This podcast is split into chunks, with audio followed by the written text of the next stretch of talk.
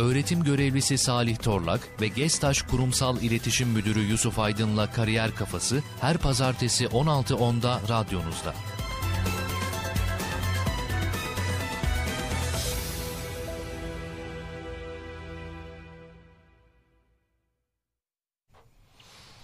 Evet Kampüs FM dinleyicileri yine haftanın ilk günü pazartesi günü saat 16.10'u gösteriyor. Kariyer Kafası programında birlikteyiz. Hocam merhaba. Merhabalar, hoş geldiniz. Ee, Salih Torlak hocamla birlikte e, bugün bugün bu hafta baş başayız hocam. Bu hafta baş başayız, evet. evet. Bu hafta bir e, konuklarımıza bir konuk arasını vermiş olduk. Yani es verdik aslında. Evet. Biraz böyle hem geçtiğimiz haftaları konuklarımızdan aldığımız bilgileri biraz değerlendireceğiz. Biraz da kendi notlarımızı paylaşarak Kariyer Kafası programını şekillendireceğiz bu haftada inşallah. Önümüzdeki haftadan itibaren yine konuklarımızı ağırlamaya devam edeceğiz. Hocam nasıldı geçen hafta? Ee, geçen haftadan ziyade şu bir ay 21 Şubat'tan itibaren eğitim başladı. 4 evet. hafta bitti. 5. hafta nasıl geçti, nasıl geçiyor? Zaten bahar dönemi böyle geçer diyorduk. Evet. Ee, şöyle dönemi planlamak istediğimizde de şöyle önümüze bir açtığımızda Ocak'la Haziran arası e, zaten insan planlı yaşamaya çalıştığında şöyle bir şey ortaya çıkıyor. Ee, bir açıyorsun önünde 6 ay bakıyorsun ne var işte dönem ne zaman başlıyor 21'inde evet. e zaten Ramazan var işte kaçında başlıyor bayram ne zaman arada vize sınavı var ondan sonra finaller ne zaman geliyor derken e, dönem bitti gibi oluyor. Hocam şimdi sen 4 hafta deyince 4 hafta oldu mu gerçekten? Evet 4 hafta bu 5. haftadayız şu anda da. Kitap kapağını açmayan öğrenci var mıdır? E, vardır. Yani şöyle kitap kapağı kitap vermiyoruz ya her ders ama şey yapan vardır. Hocam siz ders yapıyormuşsunuz. Bir ödev de vermiştiniz ilk hafta deyip e, yapan daha yeni ısınmaya çalışan vardır. Ama başlamış iş gerçekten bitmiş iş gibi oluyor. Bir de şimdi araya böyle başka şeyler giriyor. Bir etkinlik geliyor, iptal ediyorsunuz, dersi sonra yapıyorsunuz. Öğrenci için de aynı şey bir rehavet var. Ben şeyi hayal edemiyorum. Hiç evet. plansız yaşayan insanların aha Ramazan mı gelmiş diyeceğini düşünüyorum. Çünkü biz o kadar planlama yapıyoruz. Yine evet. de e, 18 Mart diyorduk e, dönem başladığında. O geçti. Şimdi kariyer fuarı var bu hafta. Enteresan bir yoğunlukla gidiyor.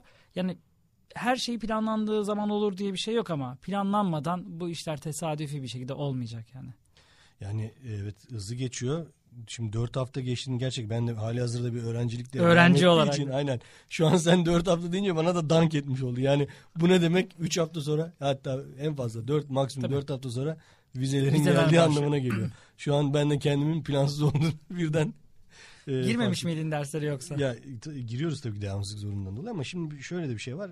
E, başka telaş yani asıl önemli olan Hı-hı. telaşlarımız farklı olduğu için tabii ki. saymak zor oluyor ya 5 mi oldu aynen. diye. Ben şimdi her gün programları bir şeyle beraber izlediğim için videolar ve bazı evet. içeriklerle 4-5 diye her gün evet. ödevi oluyor. O yüzden aklımda evet. kalıyor ama e, gerçekten yoğun geçiyor. Öğrenci için de durum böyle. Hayat da böyle geçiyor aslında. Evet.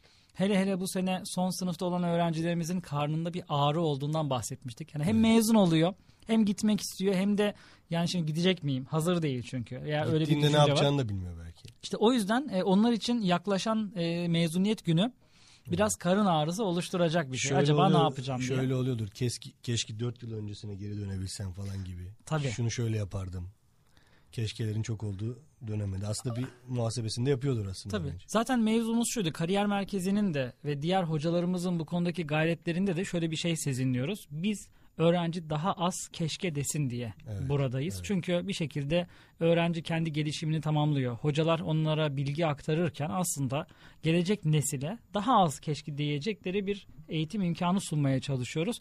Herkesin keşkesi olacak Mesela bu kariyer planlama dersine çok atıfta bulunuyoruz ya. O dersi evet. alan öğrenciler ikinci sınıfsa keşke bir de alsaydık. Dördüncü sınıfsa keşke daha önce alsaydık düşünceleri oluşuyor. Ama hiç almama gibi bir durumları da olabilirdi. Yani evet. ne kadar erken uyanırlarsa o kadar vakit var. Bir de tabii ki deneyim. Bugün konuşacağımız konu stajdı aslında.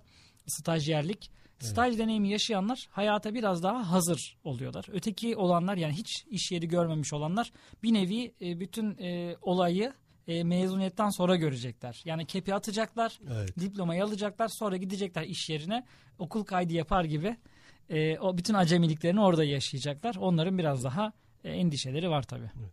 Peki e, staj konusuna geçmeden bir şey daha sor. Merakımı gidermek amaçlı bir şey daha sormak istiyorum hocam sana. Tabii. Şimdi kariyer merkezinde öğrencilerin keşke dememesini şekillendiriyoruz dediniz ya. Hı hı. Genelde son sınıf ve bahar döneminde mi siz yoğunluğunuz? Yani genelde o zaman mı dank ediyor? Şöyle e, aslında bizim yoğunluğumuz e, diğer dönemde de var. Fakat diğer dönem okulun daha ilk başları olduğu için bir şey yapılacağı zaman erteleniyor. Evet. Diyorlar ki bunu baharda yapalım. Bu biraz daha. Halbuki sonbaharda çok iş çözülüyor. Bahar o kadar verimli geçmiyor. Fakat Hı-hı. bahar daha çok göze gelen kısmı. Evet. Bir de şöyle bir durum var. Tabirimi mazur görün. Hani bazen öğrencileri diyoruz ki öğrenci kafasına dank edince gelip soru soruyor. Mesela yazın staj yapılacak. E, stajla ilgili bilgilendirme toplantısı yapıyoruz güzde. E, güzün sonuna doğru. öğrenci toplantıyı dikkate almıyor. Diyor ki şimdi acelesi yok. Sonra yazın her biri ayrı ayrı soruyor. Düşün ki aynı konu anlatılmış ama 200 öğrenci tek tek gelip soruyor. Biz de örnek veriyoruz. Hani özel sektörden bir ifade. E derler ya her eşeğin yorulduğu yere kervansaray yapılsaydı dünya kervansaraydan geçilmezdi. Evet. Öğrenci zamanında dinlemesi gerekeni dinlemeyip her kafası esine hocam ya şöyle bir mevzu varmış diyor. Diyoruz ki günaydın yani aslında onu söyledik biz. Ama öğrencinin kafasına o tarihlerde dank ettiği için bize gelen talepler de ya da bizimle ilgili mevzular da bahar döneminde daha çok oluyor. Çünkü evet. öğrencinin e, ihtiyaç duyduğu nokta daha çok o sıkışık dönem oluyor. Ama iyi yönetilirse güzde en az bahar kadar verimli ve daha yoğun bir dönem aslında. Evet hocam. Şimdi bugünkü konumuzu staj olarak belirledik staj dönemi olarak belirledik çünkü gerçekten e, bir meslek edinme yolunda guest, şey e, staj çok önemli bir e, aşama. Ben mesela bu aşamayı verimli geçirenlerden biriyim. Ondan da konuşmanın ilerisinde bahsederim. Senin de hayatının belli bir döneminde bu deneyimin oldu. Biz birkaç haftadır e, konuklar ağırlıyoruz. Konuklar da özellikle Tekin Uğurlu bundan çok ciddi oranda bahsetti. Diğer konuklarımız da satır aralarında alt metinlerinde bunun önemine hı hı. değindiler. Şimdi staj aslında mesela biz okulda bir şeyler görüyoruz. Kitaptan bir şeyler görüyoruz belki. Hı hı. Belki de e, çağ da değişiyor. E, hocalarımız e, biraz daha gerçek hayattan, şirketlerin şirket deneyimlerinden e, yola çıkarak belki bizi kitaptan biraz daha soyutlandırmaya çalışıyorlar. Hı hı. E, değişen zamanla bu belki farklılaşıyor ama kendi öğrencilik döneminden bahset bahsedersem biraz böyle hani okuldakiyle e, staja gittiğimizdeki şey çok farklıydı. Yani okulda görülenle stajda karşılaşılan çok farklı oluyor. Sanki başka bir dilden başka konuşuyormuş bir dilden gibi. ve başka bir dünya gibi aslında. Ve gerçekten de e, hani bir şeyi bir dersi öğrenirken uygulamalı göstermek daha etkili olur ya. Hı hı. Aynı o etkiyi stajda görebiliyorduk. E, staj tabii ki staj dediğimiz şey kimse size zorla gelip gel bak ben sana bunu öğreteceğim e, burada staj yapacaksın ve sen bunu öğreneceksin. Benim sana ihtiyacım var gibi bir durum olmuyor. Kimse bunu beklemesin tabii ki. Hı hı. Bu bundan 20 yıl önce de böyleydi. E, 10 yıl önce de böyleydi. Belki şimdi de şimdi hatta belki de daha da zor. Tabii yani. daha zor. Yani şöyle bir şey var aslında bizim stajyer ifadesini şöyle değiştirebiliriz. Stajyer Hı-hı. dediğimiz çırak aslında. Evet. Hani bugün belki bir plazaya gidiyorsunuz, belki bir şirkete, kurumsal holdinge gidiyorsunuz Hı-hı. ama aslında çıraklık yapıyorsunuz. Evet. Orada bile olsa bir departmanın yaptığınız işle ilgili bir uzmanın yanına çırak olarak gidiyorsunuz. Haliyle çıraklık demek size orada ne iş verilirse hem mesleki anlamda hem ahlaki anlamda yetişmek anlamına geliyor. Tabii şimdiki stajyerler stajyer gibi değil yani gittiğinde böyle tam çalışan gibi kurumsal bir şeyler bekliyorlar. Halbuki orada potansiyeli ölçmeye yönelik bir şey var.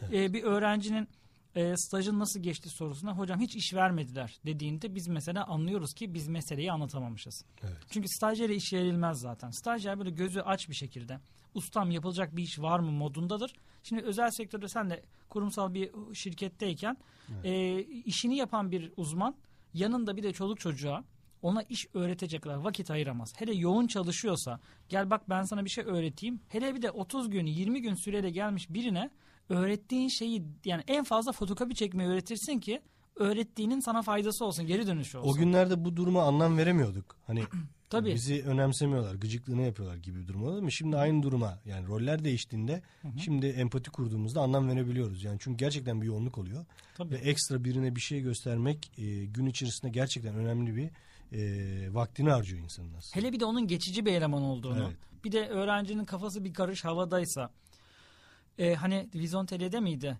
E, baba bir iş emrin var mı diyor belediye başkanının oğlu. O da diyor ki var ama sana verip zayi etmek istemiyorum. Benim hep gözümde bu sahne canlanır. Evet. Çünkü şöyle öğrenci e, zaten yarım yamalak ucundan tutuyorsa Evet. e, ona kimse iş öğretmek istemeyecektir. Bir de e, boş durmak öğrencinin hatasıdır. Boş duramazsın zaten. Hani şöyle bir durum var. Sen nasıl boş durabiliyorsun ki? Yani boş duruyorsun ve hani ben şu anda boştayım. Bana bir iş verir misin demiyorsan bu e, bu çıraklık için hiç hoş değil. Bir taraftan da şu anın stajyerlerine biz şöyle eğitimler veriyoruz. Staja gitmeden önce gerçek anlamda e, iş nasıl talep edilir? İş nasıl öyle? Bunun taktiklerine veriyoruz. Çünkü bu ciddi bir taktik gerektiren bir durum. Evet, evet. Yani isterken e, bir denge var. Tabii. Hani o e, ben buradayım yani ben buradayım. Ben burada bir şeyler yapmak için buradayım. Ben buraya fayda sağlamak için buradayım. Öncelikle kendime fayda sağlamak için buradayım. Yani ilk önce ben burayı bu işi öğrenmek için geliyorum. Bu işi öğrenip bu işletmeye fayda sağlamak istiyorum ve karşılığında da e, belki de bir kazanç tabii ki. Kimse bedavaya çalışmıyor. Bunu e, iyi göstermek, iyi aktarmak gerekiyor aslında. Oradaki yöneticiye veya herhangi birine. Potansiyelini yansıtmak gerekiyor. Yani bana bir şey öğretirsen zayi olmaz. Zaten ikili ilişkilerde iyi olan yani ince becerileri, insani becerileri iyi olan stajyerler kendini zaten sevdiriyor. Ve aynı zamanda oradaki kişiyle en önemli kriter de o oluyor zaten. Kişi sizi uzmanlık bilginize göre almıyor. Diyor ki sen iyi bir öğrencisin, iletişimin iyi. Ee, sen okulu bitirdiğinde de bize gel demeye başlıyorlar. Ee, çünkü başka türlü e, ya sen çok deneyimliymişsin gibi bir durum oluşmuyor. Yani mezuniyetten sonra eğer o şirkete işe alınıyorsanız e, belki de %50'den fazla, %60'dan fazla ikili ilişkilerde geliştirdiğiniz samimiyet size. Tabii bir yerde öne isminiz bir yere bir köşeye yazılıyor. Bir aklın köşesine yazılıyor yönetici tarafından. Şimdi böyle e, biz daha önceki önceki birinci dönemdeki programlarımızda da e, böyle yaş yaş dönem dönem bu kariyer yolculuğunu değerlendirdiğimizde her şeyin zamanında yani tabii ki ileri yaşlarda geri dönüşler, keskin geri dönüşler kariyer yolculuğunda keskin dönüşler e, yaşanabiliyor ama bunlardan bahsettiğimizde her şeyin yaşında güzel olduğunu ara ara vurguluyorduk hocam. Her şey yaşta güzel. Stajyerlik de aslında öyle bir şey. Ben kendim e, düşüncemi söylemek istiyorum. E, şimdi stajyerlik de şöyle bir şey. Yani eğer bir insan zamanında, yani stajyerin de bir zamanı var. Belli bir yaştan sonra stajyer olunmuyor hocam. Yani haksızsam e, orada araya girebilirsin. Tabii. Yani Belli bir yaştan yapılabilecek tabii ki bir şey belli bu. bir yaştan sonra stajyer olunmuyor. Çünkü e, bazı şey mesela ben askere 27 yaşında gittim. E, kısa dönem o zaman nasip oldu. E, şimdi hep şöyle muhabbet olmaz mıydı hocam? Ya 27 yaşına geldim ben 20 yaşındaki komutan bana işte e, emir veriyor. Ama burayı aşmak lazım şimdi sen 27 yaşında askere gidiyorsan bu şeyden sıyrılman Tabii gerekiyor. ondan kurtulman Tabii kurtulman gerekiyor.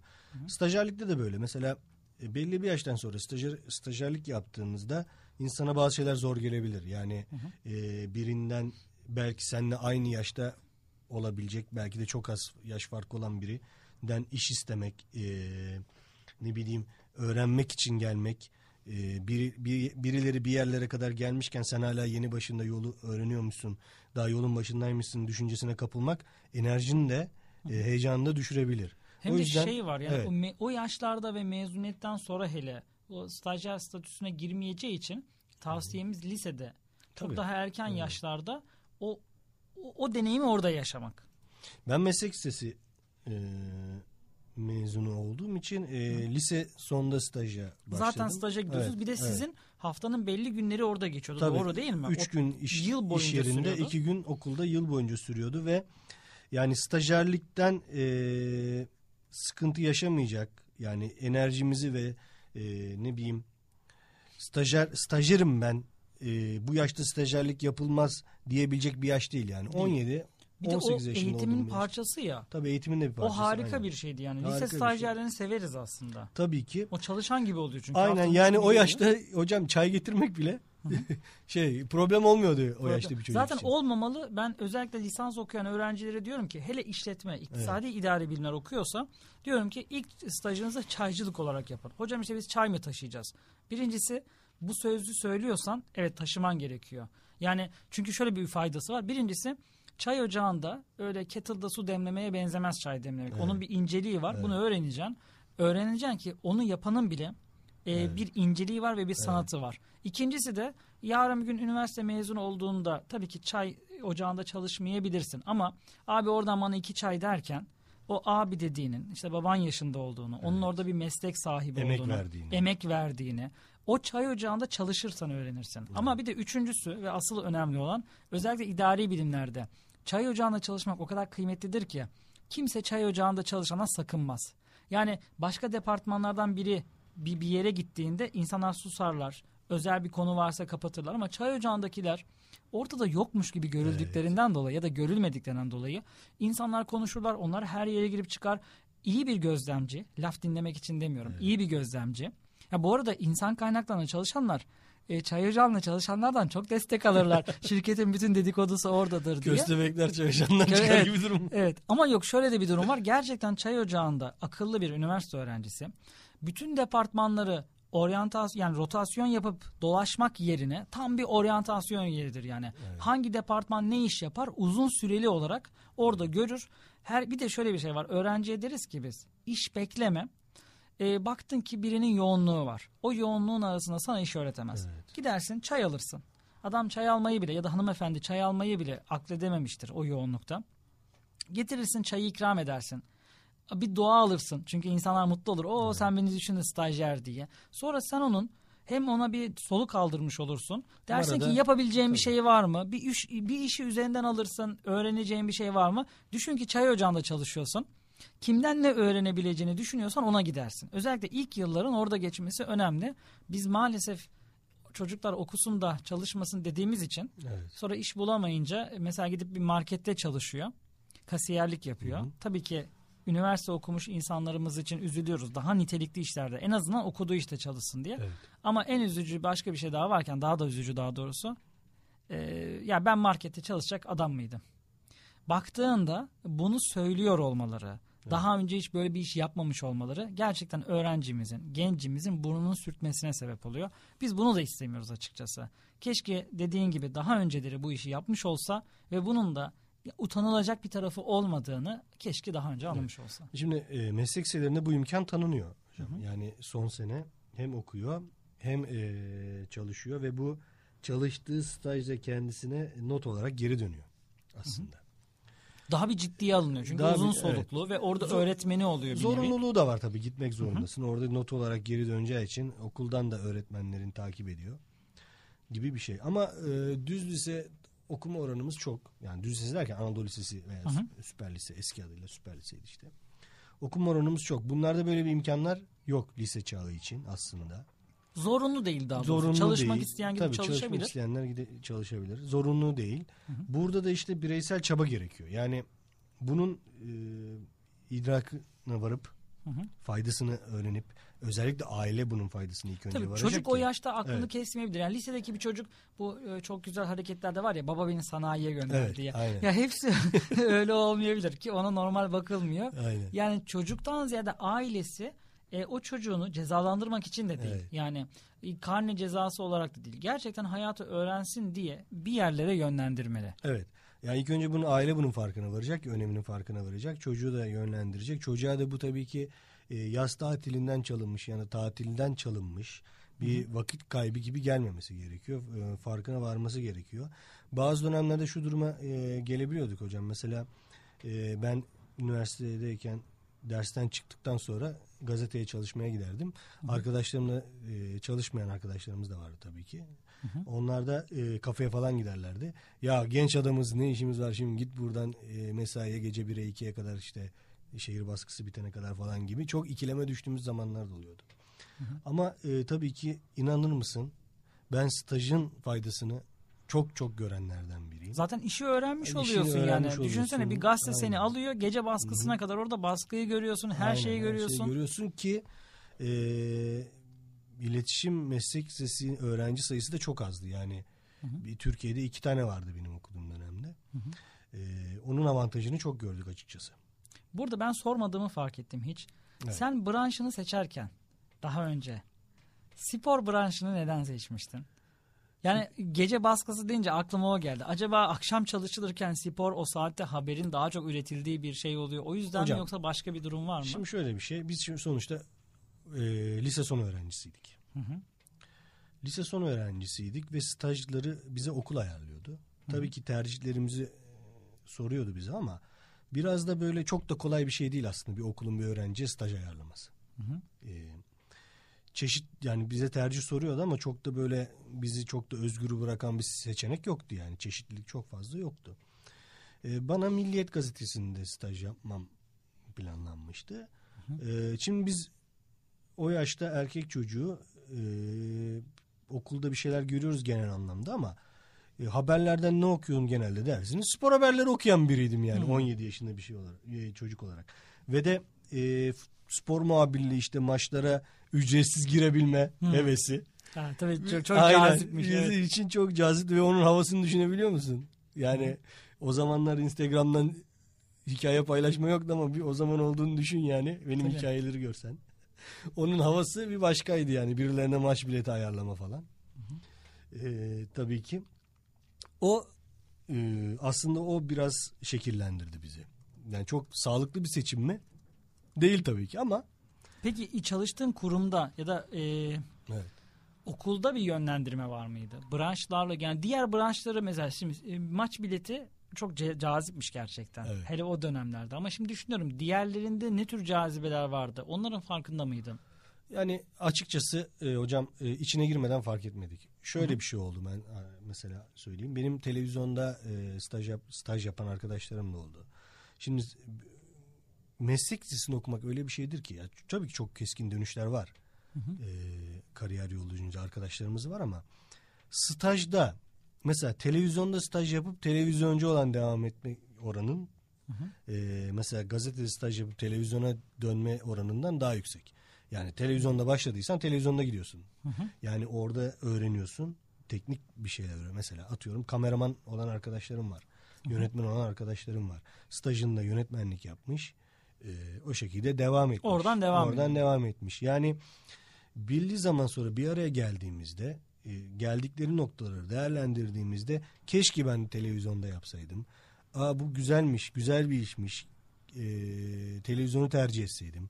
Ya da ne bileyim internet sitesi tarzı o zamanlar pek hani internet sitesi şey değildi belki ama internet sitesine yönelebilirdim gibi e, konuşmalarımız, sohbetlerimiz oluyor. Ama o zaman bunun gerçekten e, farkında değildik. Aile faktörü vardır ya. Yani bunun ailemiz de bunun farkında değildi aslında. E, meslek lisesi neden okudun dersen Anadolu Lisesi olmasının bir avantajı vardı.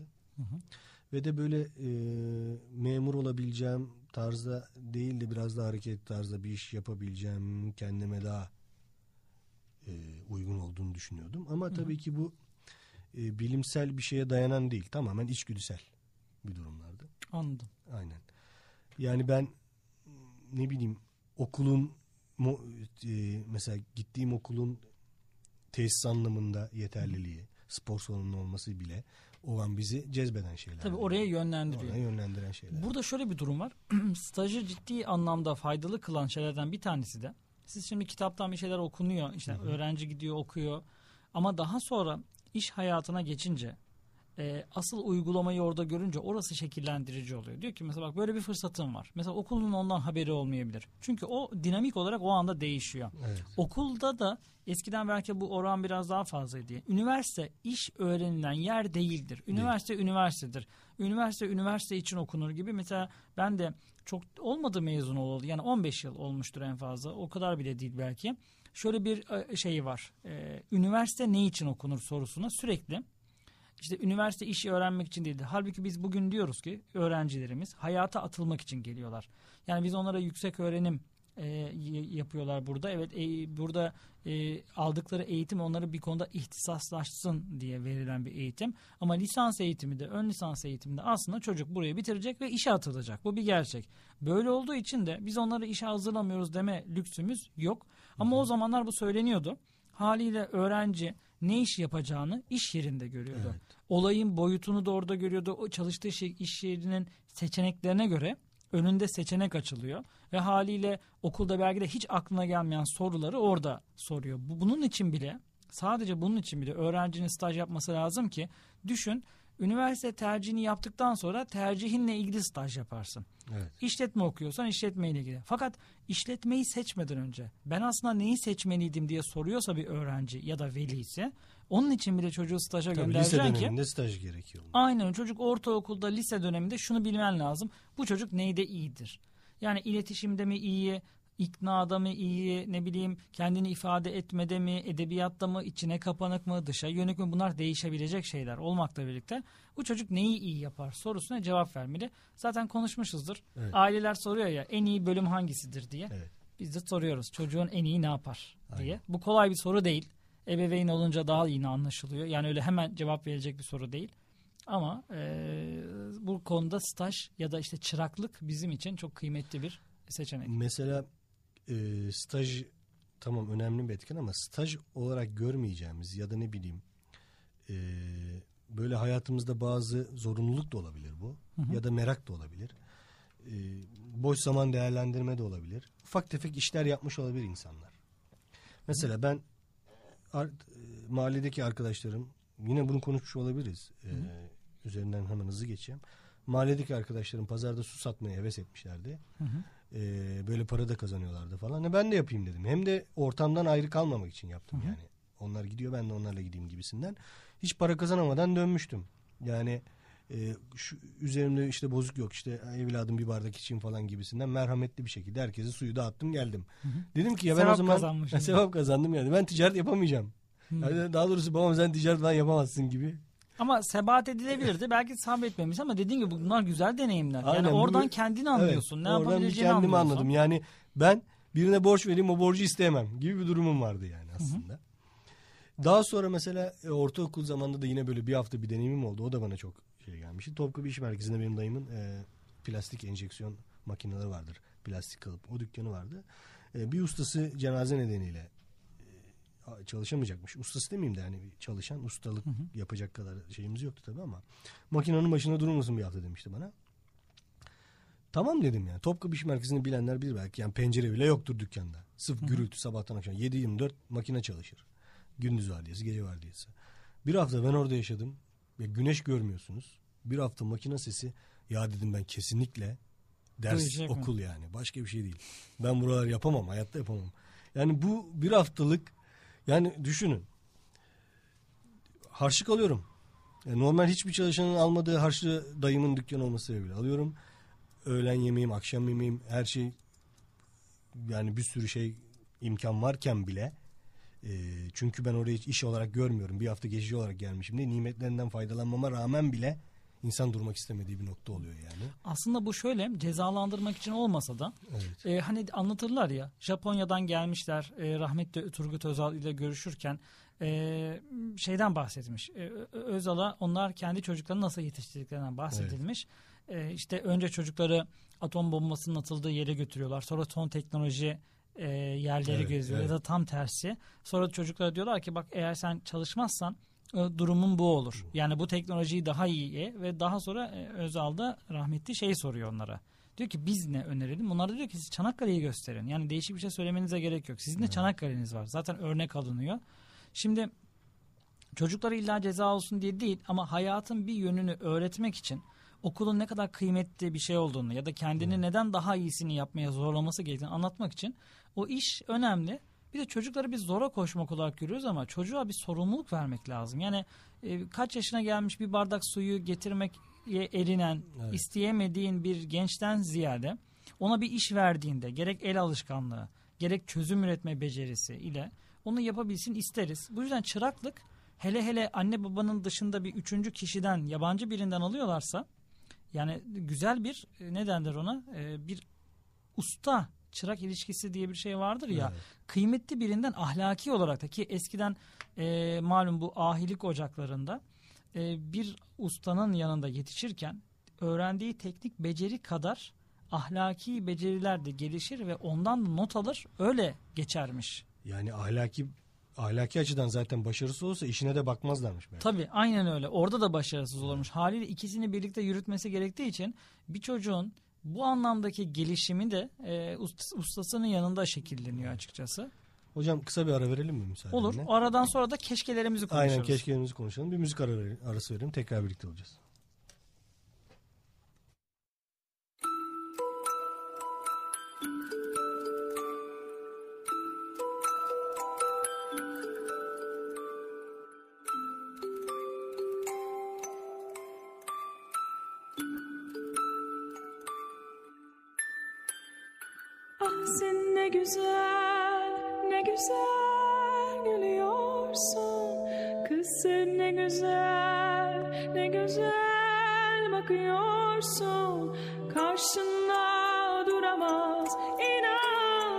Hiç kimse.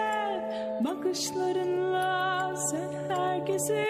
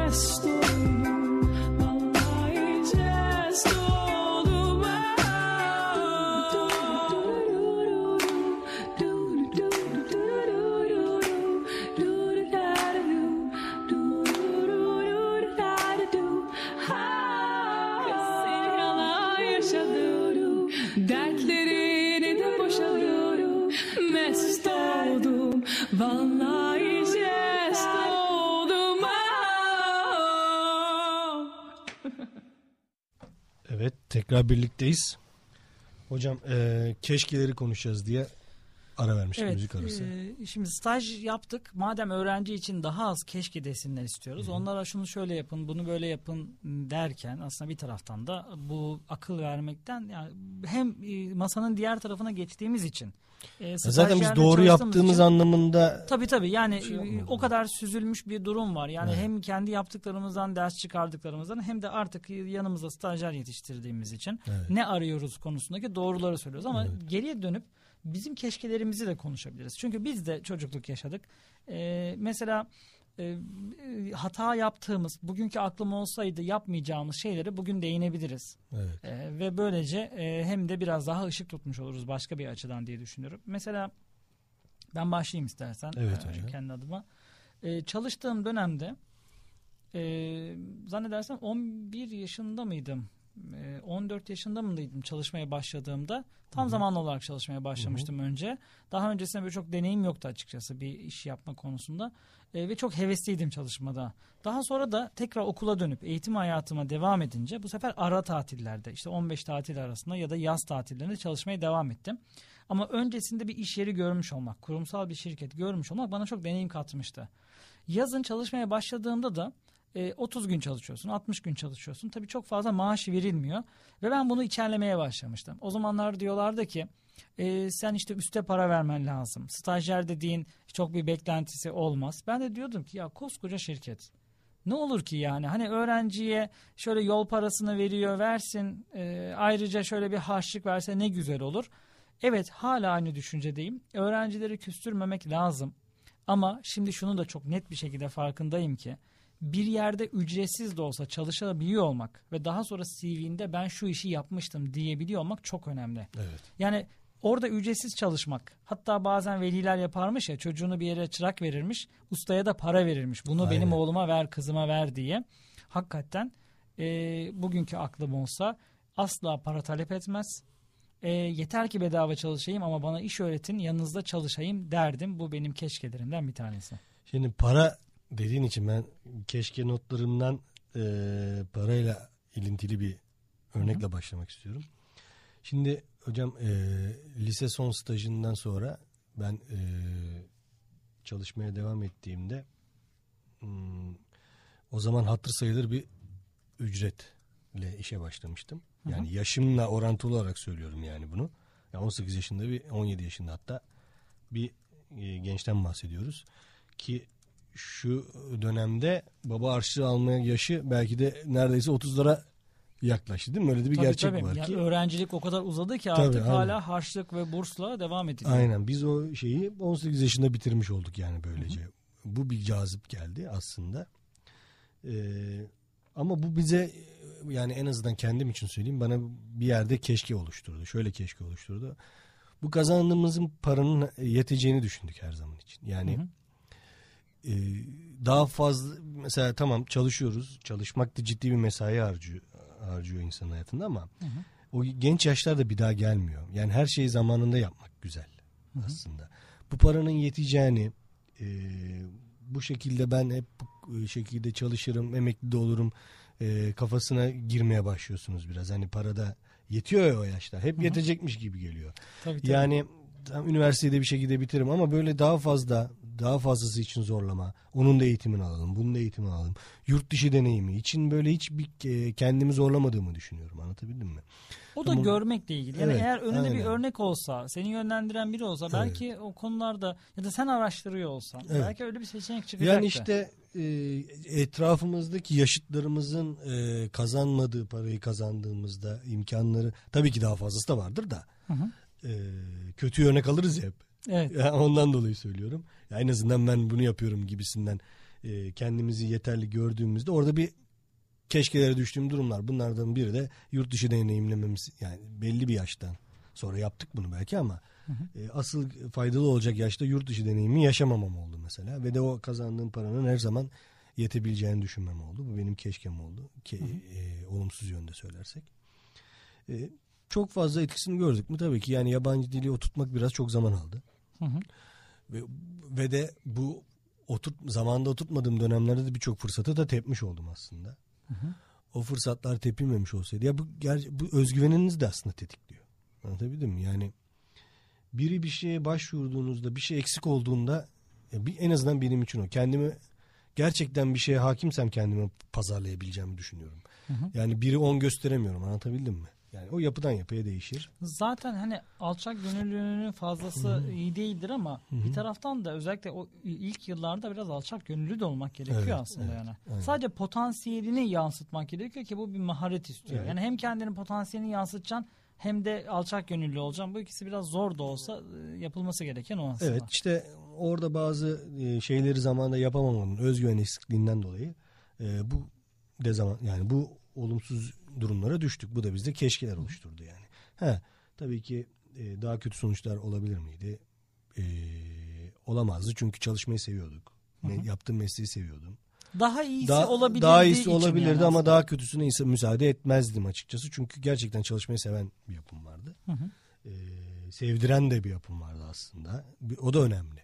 Çalışmayı sevmekten ziyade e, çalıştığınız kurumdaki Aa, bu arkadaş iyi çalışıyor ve iletişim iyi Tabii İletişim kendini çok önemli. sevdiriyor gerçekten. olmak. Yani kendini sevdiriyor önemli. olmak da önemli. Çünkü bu, e, özellikle bu devirde iletişim yani birimler arası olsun, bireyler arası olsun iletişime işverenler çok önem veriyor.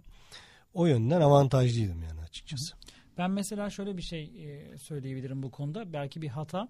Şimdi bir potansiyel barındırıyoruz. Çalıştığımız insanlar bizi seviyorlar. Belki referanslarımız var. O referanslara da güveniyorlar ve yani o, o referansların da bir hatrı var. Onlar üzerinden bizi tanıyorlar. Yani işte amcan varsa amcan, dayın varsa dayın. Onun üzerinden önce seni onun yeğeni olarak görüyor ya da oğlu, Evet. kızı neyse. Ondan sonra da artık seni tanımaya başlıyor. Bu sefer Tabii. sen artık karakterine şekilleniyorsun. Ve e, ben mesela hatalarımdan bir tanesini şöyle görüyorum. Evet bir şeyleri iyi yapabiliyordum ama orada bana başka şeyler öğretmeye çalışıyorlar. Tabii ki ben daha okulda değilim. E, şimdiki gençlerin yaptığı bir hata oluyor. Okulda öğrendikleri bilgiyle ben biliyorum havasına Evet. giriyorlar. Ben o zamanlar daha lisedeydim ama yine de ben bunu böyle yaparım gibi oluyordu. Yani karşımdaki bana bir iş öğretmeye çalışıyor. Diyor ki bunu böyle yap. Tabii ki inisiyatif almak güzel. Bencesini yapmak güzel ama karşındaki o işin nasıl yapılacağını söylemiş. O kadar çok inisiyatif alıp. Mesela seni bir yere gönderiyor. Önce şuraya git, sonra buraya git, sonra buraya git. Onu gönderen o dükkanların kaçta kapanacağını, hangisine neden önce gitmen gerektiğini biliyor. Sen inisiyatif alıp işine geldiği gibi davrandığında ya da e, iş öğretmeye kalktığında heyecanlı davranış, stajyer bazen heyecanlı olur. Evet. Ben o heyecanımla birlikte çalıştığım insanları yorduğumu fark ettim o yaşlarda. Gerçi bunu bugün dahi beraber çalıştığım insanlar eee, ya işte hoca çok heyecanlı diyor olabilir. Ben bunu biraz şeye yorumluyorum. Eğer çalıştığın insanlar isteksizse Evet. Sen heyecanlı gelmiş. sen heyecanlı görünüyorsun. Ama o zamanki durumum şöyleydi. Ee, bir şeyler yapmak istiyorum ama işin nasıl yürüyeceğini belirleyen bir yönetici var zaten. O yönetici işlerin dağıtımını yapıyor. Ben o an stajyer hızıyla öyle bir hız vardır. Sana bir iş verirler. Başka bir yükümlülüğün yoktur üstüne. Hemen bitirirsin. İstersin hemen her şey olsun. Sabırsızsındır. Ve e, aynı zamanda bir şeyler görüyorsundur. Öne, e, mesela şu anda gençlerin de çok yaptığı bir hata. E, bir şey öneriyor. Tamam öner ama önce bir dur bir izle bir gör bakalım. Senden önce acaba ilk defa sen mi gördün bu olayı? Hani işletme körlüğü diye bir şey vardır. Sen işletmeye Evet. gidersin. Aa, dersin ki bu niye burada? İnsanlar bir düşünür. Aa hakikaten o niye orada derler. Evet, Çünkü evet. Onu çok yaşıyoruz. Ha, o çok yaşanır çünkü gözün önündekini görmeyebilirsin. Fakat bir gencin gelir gelmez bak ben size bir şey söyleyeyim mi? Şunu şöyle yapsanız daha iyi olmaz mı? Demeden önce önce bir görüp anlamaya çalışıp ondan sonra da ya ben anlayamadığım bir şey var deyip anlamadığını sorar gibi sorması ve varsa bir önerisini çünkü belki de senin gördüğünü onlar zaten görmüştü. Yani haliyle işletme körlüğü olmayan durumlarda bir gencin sabırlı olması lazım. Ben o sabırsızlığımla birlikte çalıştıklarımı biraz yorduğumu, Evet. Halbuki şöyle bir fırsat var. Ben pazarlama okuyorum. Ama üniversitede hiç duymadığım bir şeyi ağızdan ağza pazarlama, von marketing. Ben bunu nerede öğreniyorum? İş yerinde. Evet. Çünkü orada bir dünya var, orada bir gelecek var. Onlar işi yapan kişiler. Aslında keşke onları dinleseymişim. Ee, şimdi mesela şeyden bahsettik. Her şey yaşında güzel dedik ya hocam. Mesela e, ben stajyerlikten sonra lise sondaki stajyerlikten sonra hem okuduk hem çalıştık döneminde Hı hı. e, belli bir zaman sonra işte üniversite mezunu yani üniversiteyi bitirip veya üniversitenin son senesinde olup e, kuruma staja gelenler de oluyordu. Hı hı. Kendi tespitim şu. Belki yanlış da olabilir bilmiyorum ama kendi tespitim olduğu için söyleyeceğim bunu. Ee, öğrencilerde şöyle bir durum oluyor. Şimdi mesela ben 15 sene öncesinden bahsediyorum ama şu an bu daha fazla olacağını düşünüyorum. Çünkü çok fazla artık mezun veriyoruz. Yani üniversite mezunumuz artık eskiye göre daha fazla Hı hı. artarak da devam ediyor. Ee, Şimdi eskilerden e, özellikle bazı sektörlerde basın da buna dahil genellikle önce önceki dönemlerden bahsediyorum. Genellikle basın yayın sektöründen mezun olmuş çalışan sayısı çok düşüktür Hı hı. sektörde. Farklı e, bölümlerden mezundur ya da üniversite mezunu değildir yani. Alaylı dediğimiz e, çalışma arkadaşımız çok fazladır. O şekilde de yapılabilecek, öğrenilebilecek bir meslek Öğrenilecek bir iştir de gerçekten. Ama e, belli bir zaman sonra üniversite mezunu olup veya üniversitenin son senesinde olup staja gelen e, arkadaşlarımız e, bu durumu kaldıramayabiliyorlar. Yani ben üniversite mezunuyum. Ama burada kimse üniversite mezunu değil. Hı hı. Ama ben bu şekilde stajyerlik yapıyorum gibi duruma düşebiliyorlar. Ve bu kendi ya bunu meslekten soğuyorlar. Hı hı. Başka bir şey yapmak zorunda hissediyorlar kendilerini. Peki o diğer insanlar yetkin değil mi? Üniversite mezunu olmasalar bile hani şu görülmüyor mu? O insanlar o işi yapabilecek uzmanlıkta zaten. Yani kimse kimse o koltuğu tutturmaz. Hı hı. Yani biz gazete dediğimiz yerde yetkinlik aranır yani. o yoksa zaten Yoksa yani zaten. kişi üniversite mezun olmasa da belli ki o işi yapabiliyor. Aynen yapabiliyor. Yani bunu e, öğrenciler de zaten e, yani sebat edip de staja devam eden öğrenciler de bunu zaten anlıyorlar. Etkinliğini de görüyorlar. Ve okulda gördüklerinden çok farklı olduğunu da anlıyorlar zaten. Ama o nokta, o e, çizgi, o çizgiyi aşmak çok sıkıntılı olabiliyor. Yani çabuk kopmalar, stajı bırakmalar. Ya benim burada ne işim var demeler.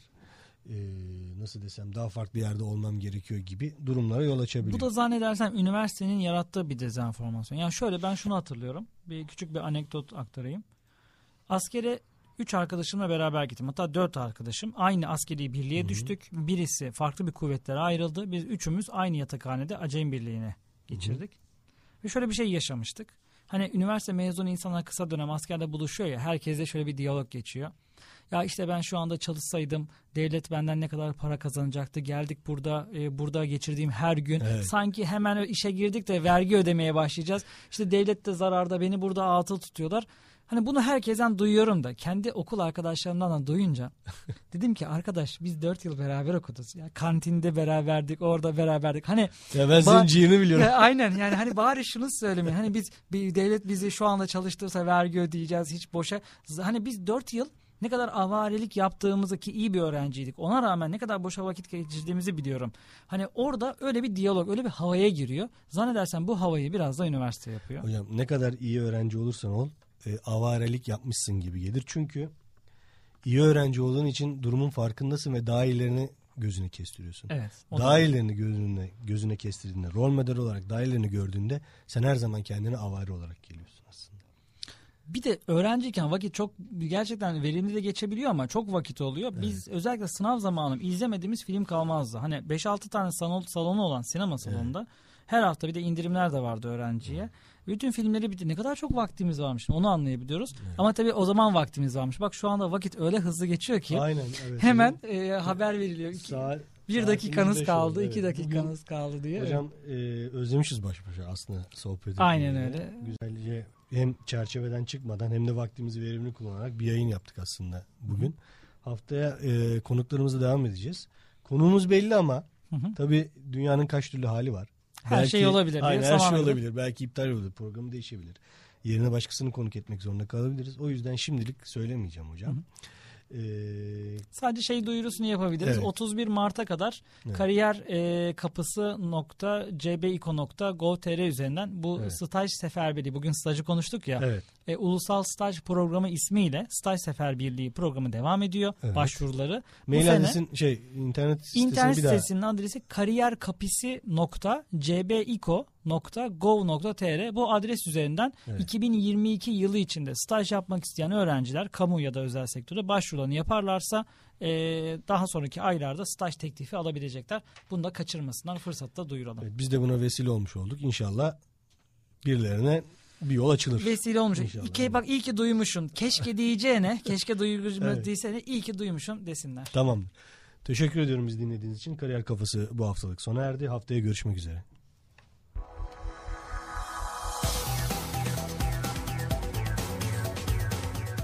Öğretim görevlisi Salih Torlak ve Gestaş Kurumsal İletişim Müdürü Yusuf Aydın'la Kariyer Kafası her pazartesi 16.10'da radyonuzda.